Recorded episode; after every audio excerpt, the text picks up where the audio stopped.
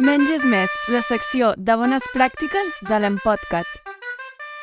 Parlarem d'una nova recomanació del menys és més. En aquest cas volíem, volíem parlar del metamisol en el tractament de la febre i del dolor agut. La justificació d'aquesta recomanació és perquè el 2012 a Catalunya es prescrivien uh, un milió d'envasos i el 2017 ja són dos milions d'envasos que es prescriuen d'un medicament que en molts països, com per exemple el Regne Unit, eh, Dinamarca, Noruega, Suècia, Estats Units, Canadà, Austràlia i altres països, so, és un medicament que no està ni comercialitzat. Per què?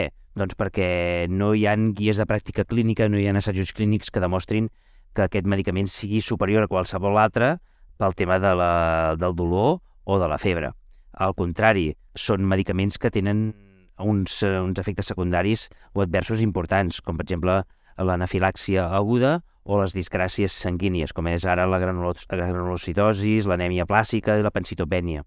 Aquests fets, no, que no hi hagi un recolzament científic i els efectes secundaris, i a més a més que tinguem algun medicament que sí que són de primera línia i que serveixen per això, com el paracetamol, l'ibuprofen o el naproxè, per exemple, eh, fan que la recomanació de l'essència, en aquest cas, sigui que no fem servir aquest medicament, el metamizol, pel dolor i per la febre, com a primera línia. El podem fer servir si ens fallen els de primera línia, però no com a primera línia, i això és la recomanació de l'Essential que us volíem fer en aquest episodi de l'Empodcat.